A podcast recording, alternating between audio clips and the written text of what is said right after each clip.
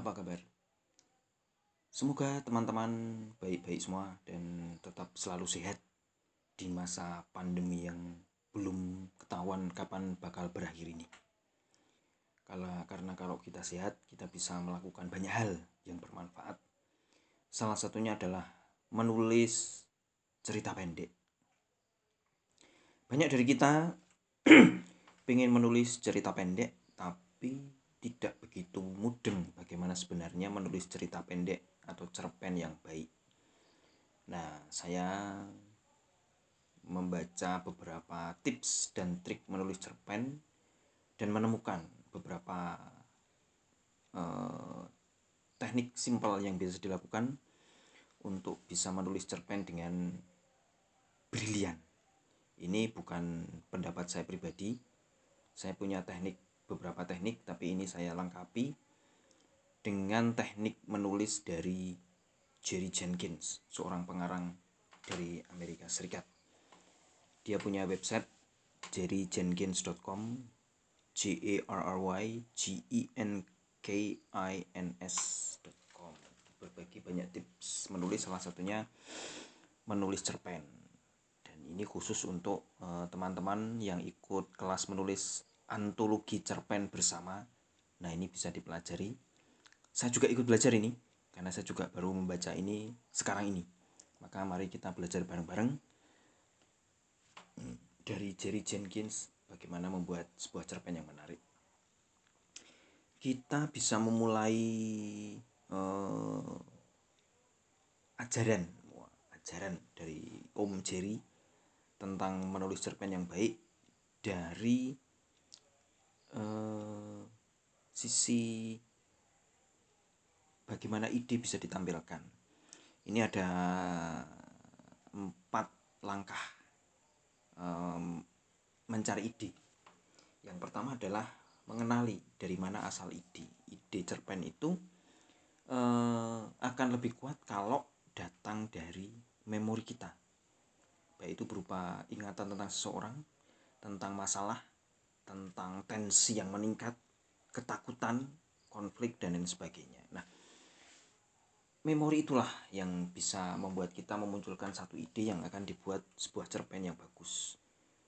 Sesudah itu kita bisa tuliskan ide itu e, secara bebas, artinya tidak langsung berupa susunan cerita dalam bentuk sinopsis, tapi apa sebetulnya yang paling kita rasakan dari memori tersebut misalnya memori tentang ketakutan. Nah, kita tuliskan kepada diri kita sendiri apa sebetulnya yang membuat kita takut. Benda, barang, hewan, situasi, seseorang, dan bagaimana ketakutan itu sangat berpengaruh pada kita. Ini kadang-kadang e, tulisan tentang kesan ini nanti bisa menjadi ide yang bagus ketika dituliskan dalam bentuk cerpen. Ketika nulis ini, kita terapkan model free writing yaitu nulis bebas. Jangan pedulikan soal grammar e, tata bahasa ejaan dan lain sebagainya. Atau apa pun termasuk teknik nulisnya itu sendiri. Pokoknya tuliskan bagaimana kesan tentang emosi yang kita pilih untuk kita tuliskan. Lalu yang ketiga adalah membuat karakter. Karakter yang akan kita masukkan dalam cerita itu. Mungkin ceritanya belum ketemu tentang memori perasaan yang begitu kuat itu tadi tapi karakter-karakter itu akan sangat pas kalau kita ambil dari tokoh-tokoh orang-orang yang kita kenal. Misalnya teman kerabat sahabat eh, orang-orang yang sering kita temui di kampus atau sekolah atau kantor. Termasuk mantan misalnya. Dan kemudian adalah membuat outline dan research. Itu yang keempat ketika kita akan mulai menulis. Jadi dari kesan memori yang begitu kuat itu tadi terus kita hadirkan tokoh satu atau dua. Dan kemudian biasanya setelah itu alur ceritanya akan ketemu. Nah alur cerita yang bagaimana? Menurut penulis tenar Din Kunz ada beberapa aspek penting yang membuat kita bisa membuat sebuah cerita yang menarik. Yang pertama adalah tempatkan tokoh utama tadi yang sudah kita buat dalam persoalan yang begitu rumit dan mengancam entah eksistensinya, entah nyawanya atau entah nama baiknya. Jadi masalah yang begitu berat yang kalau misalnya kita mengalaminya sendiri kita pasti akan bingung. Nah, siksa tokoh kita dengan masalah. Problem ini tentu bisa beda-beda antar genre. Kalau romance berarti mungkin ya masalahnya adalah memilih satu di antara dua lawan jenis yang menarik. Kalau sebuah cerita thriller, misteri misalnya, bisa berupa suatu persoalan yang mengancam nyawa atau mengancam keselamatan anggota keluarga. Misalnya ada yang diculik atau ada yang dibully dan lain sebagainya. Yang kedua adalah bahwa apa pun yang dilakukan si karakter itu tadi malah justru membuatnya semakin tenggelam dalam masalah Jadi masalah itu begitu berat sehingga apa pun yang dilakukan malah justru membuat masalahnya semakin tidak tertolong. Poin ketiga adalah membuat masalah itu atau situasinya semakin tanpa harapan. Jadi tadi sudah ditempatkan dalam problem yang besar, kemudian apa pun yang dia lakukan membuat masalahnya makin gede. Dan yang ketiga adalah semua menjadi hopeless atau nggak ada harapan lagi. Nah, yang keempat adalah eh, segala yang dipelajari oleh si tokoh dari cara dia menangani dan menerima masalah itu, kemudian memberikannya hal-hal yang ia perlukan untuk menyelesaikan masalah atau tidak. Jadi kan pilihan ending biasanya ada dua. Uh, happy ending atau unhappy ending. Nah, jadi kita tahu tadi uh, beberapa teknik simple untuk membuat cerita kita membetot pembaca. Diawali dengan menempatkan tokoh kita sedalam mungkin ke dalam masalah.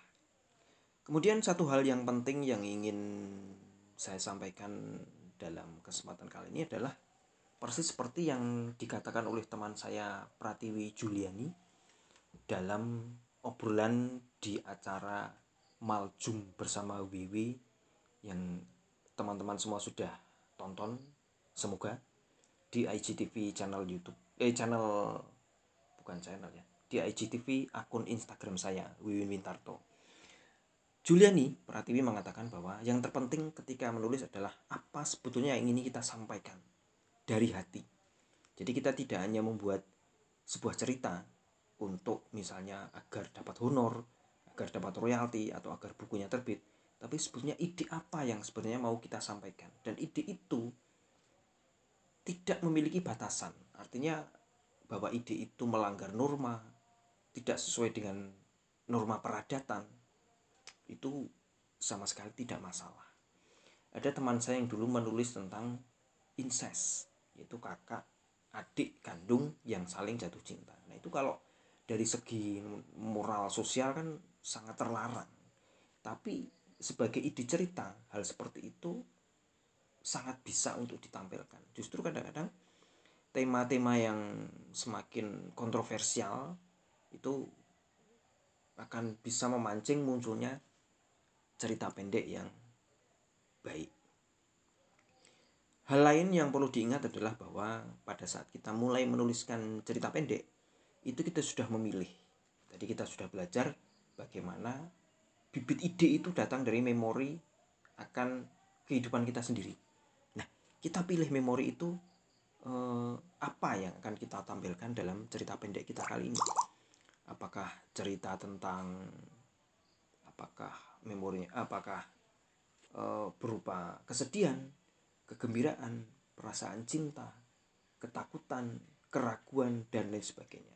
Ini ada contoh cinta, penebusan, keadilan, kebebasan atau kemerdekaan, pengorbanan yang heroik, dan lain sebagainya. Nah, dengan cara kita menentukan jenis emosi apa yang mau kita sampaikan lewat cerita, sekaligus kita ingin sudah tahu apa yang ingin kita katakan lewat cerpen itu, maka nanti kemungkinan besar kita akan bisa membuat sebuah cerita yang uh, kuat. Satu aspek lagi yang tidak boleh diketa tidak boleh dilupakan adalah bahwa cerpen itu singkat sehingga kita tidak boleh terlalu bertele-tele dalam menggunakan kata bahwa sebuah cerpen itu menurut para pakar adalah every word counts. Jadi setiap kata itu harus diperhitungkan setiap kata harus memiliki kekuatan dan jangan hanya membuang kata untuk menjelas-jelaskan sesuatu. Misalnya eh, cara orang berpindah dari tempat A ke tempat B.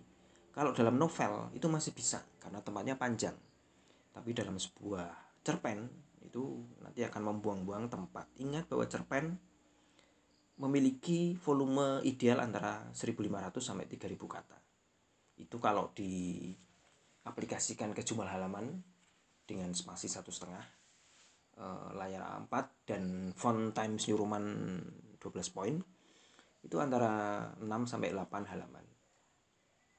Kita harus bisa menampilkan sesuatu yang digambarkan dalam kata-kata yang sesingkat mungkin.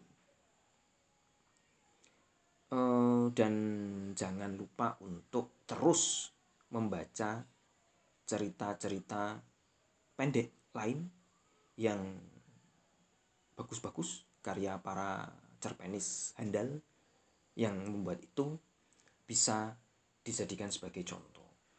Saya akhiri uh, podcast Weird Writer edisi kali ini uh, dengan suatu teknik yang wajib kita pakai untuk menulis cerpen, yaitu bahwa sejak kata paragraf pertama itu semua kata setiap kata yang kita tampilkan sudah harus dapat membetok atau hook perhatian pembaca. Jangan membuka cerpen dengan penjelasan buka dengan adegan yang tercara membahana atau dengan kata-kata yang satu kata muncul itu saya sudah membuat orang tertarik misalnya membuka kata dengan mati darah. Aku ingin darah. Nah, dengan membuka kata-kata, dengan membuka cerpen menggunakan kata-kata seperti itu, perhatian pembaca sudah akan langsung terbetot dan kemudian membaca hingga tuntas. Contoh lain eh, pembukaan cerpen yang kuat adalah misalnya menggunakan kata-kata semacam sungguh aku ingin bunuh diri saat ini juga. Kata-kata seperti itu ketika terbaca oleh pembaca dia akan langsung terseret ke dalam misteri apa yang dihadirkan oleh pengarang melalui cerpen itu. Lain bila cerpennya dimulai dengan penjelasan cuaca misalnya. Pagi ini angin berembus dan sebagainya itu akan membuat cerpennya tampil tidak terlalu kuat.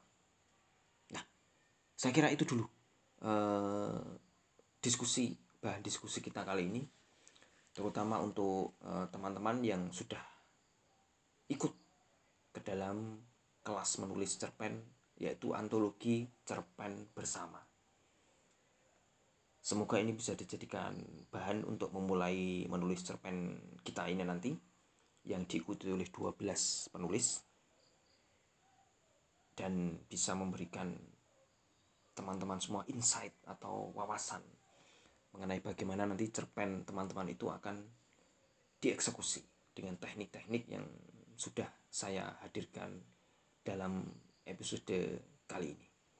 Saya kira itu dulu dan bila ada pertanyaan langsung bisa diajukan khusus untuk peserta kelas menulis bisa diajukan di grup WhatsApp. Dan untuk teman-teman yang lain bisa mengajukan pertanyaan kalau mau nanya di akun-akun media sosial saya. Baik di Facebook maupun di Instagram. Saya cabut dulu dan kita bertemu dalam episode podcast Weird Writer yang lain. Salam